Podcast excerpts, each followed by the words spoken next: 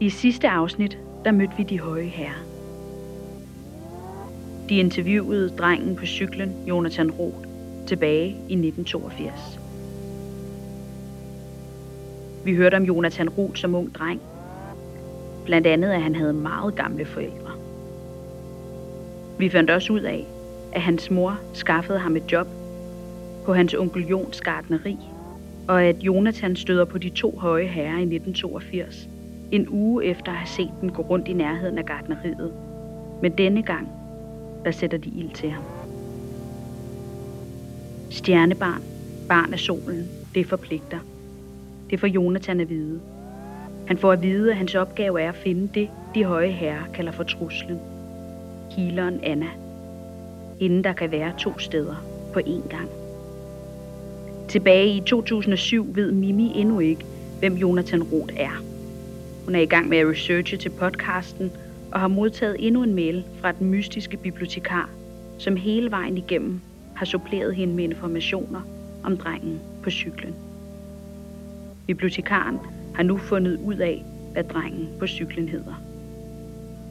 Velkommen til Stige Starseed, afsnit 10, brevet.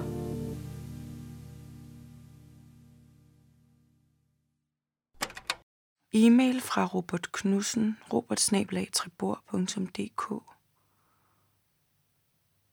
De allerbedste hilsner, Robert. Fra Robert Knudsen, robertsnabelag.tribor.dk Fredag den 15. 11. 2007, 23.38. Til Mimi Love. Prik, prik, prik, og her kommer de sidste dokumenter, jeg kunne finde. Det drejer sig om endnu en rapport om den 15-årige dreng fra Fyn. Denne rapport er fra ugen før på branden. Drengen på cyklen har nu fået navn. Tillykke. Han hedder Jonathan Roth. Derudover vedhæfter jeg et brev. Brevet er privat karakter. De allerbedste hilsner, Robert. Selv.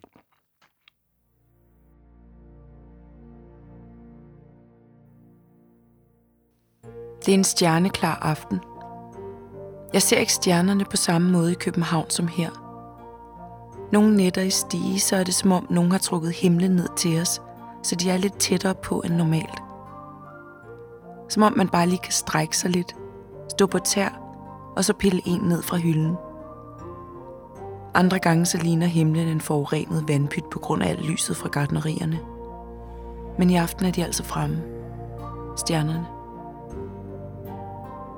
Da jeg var lille, rullede min mor altid øjne, når min far viste mig Orions bælte eller Karlsvognen. Du er så puppet, sagde hun. Svanen og ørnen og storebjørn. Så vær dog lidt opfindsom. Jeg lukker jakken til for oven, binder tæppet rundt om livet og sætter mig under terrassens udelampe for at læse rapporten, som Robert Knudsen har medsendt.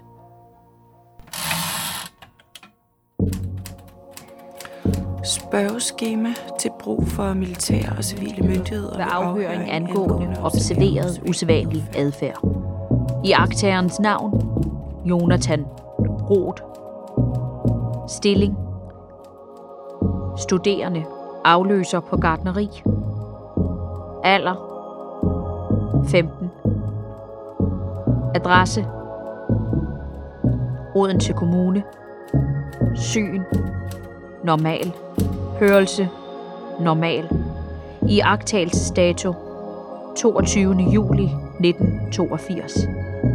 Klokkeslet 0545. I agtaget fra nøjagtig stedangivelse Gardneriet.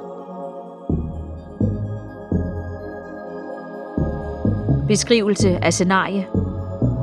Jonathan Roth har ikke haft mange vagter som afløser, da han en sommermorgen ser en lysende genstand på et græsareal i nærheden af sit arbejde. Han stiger af cyklen og går tættere på. Her observerer han fem skikkelser ved siden af en genstand, der ligner to tallerkener, der ligger oven på hinanden. Væsnerne ser menneskelige ud, er ikke særlig høje, men har et lidt større hoved og brystkasse. Mindre hofter og ben. Jonathan Roth gemmer sig bag et træ og jagtager de fem små mennesker. Jo tættere han kommer, des mere hovedpine får han. De fem skikkelser går rundt og samler ting op fra jorden foran Jonathans arbejde. Lægger, hvad der ligner, jordprøver i små poser. På et tidspunkt er hovedpinen så stærk, at Jonathan ikke kan lade være med at klynke. Det får væsenerne til at kigge op, og de får øje på Jonathan. De bliver stående lidt, og Jonathan får tinnitus af en art, og hører efterfølgende en slags musik. Han forstår ikke. Jonathan bliver stående, og de fem væsner skynder sig ind i den flyvende genstand og letter i retning mod Odense. Jonathan bliver stående, og de fem væsner skynder sig ind i den flyvende genstand og letter i retning mod Odense. Beskrivelse af kontakt. Nærkontakt af tredje grad med fem menneskelignende væsner. Indsendende myndighed. Flyvestation Bældringe. Karakteristik af kilden. Troværdig. Kvik. En smule svævende, men realistisk i sit tonefald.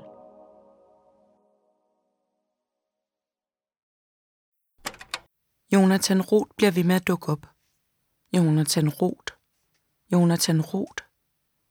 Jonathan Roth, generalmajor i flyvevåbnet. Første gang jeg googlede navnet, dukkede en artikel op. Stjernetalent bliver flyvekommandoens chef. Yngste nogensinde. Dengang virkede det bare som en overskrift. Men nu virker stjernetalent nærmest ladet.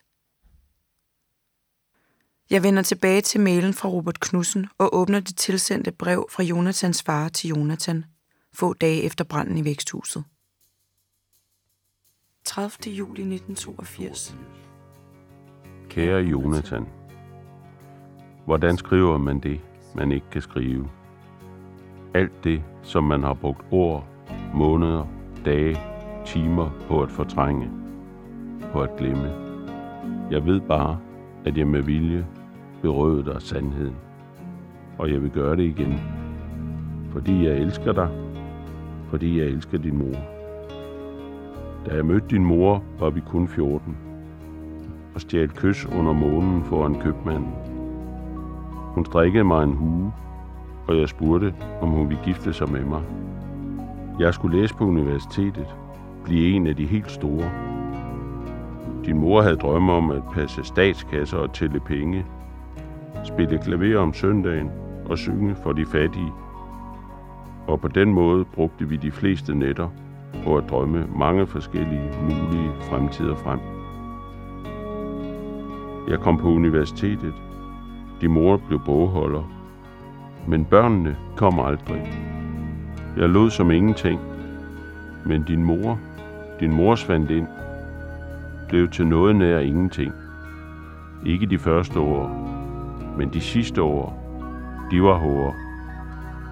Jeg elskede hende så meget, at det gjorde ondt, men jeg kunne aldrig opfylde hendes eneste ønske.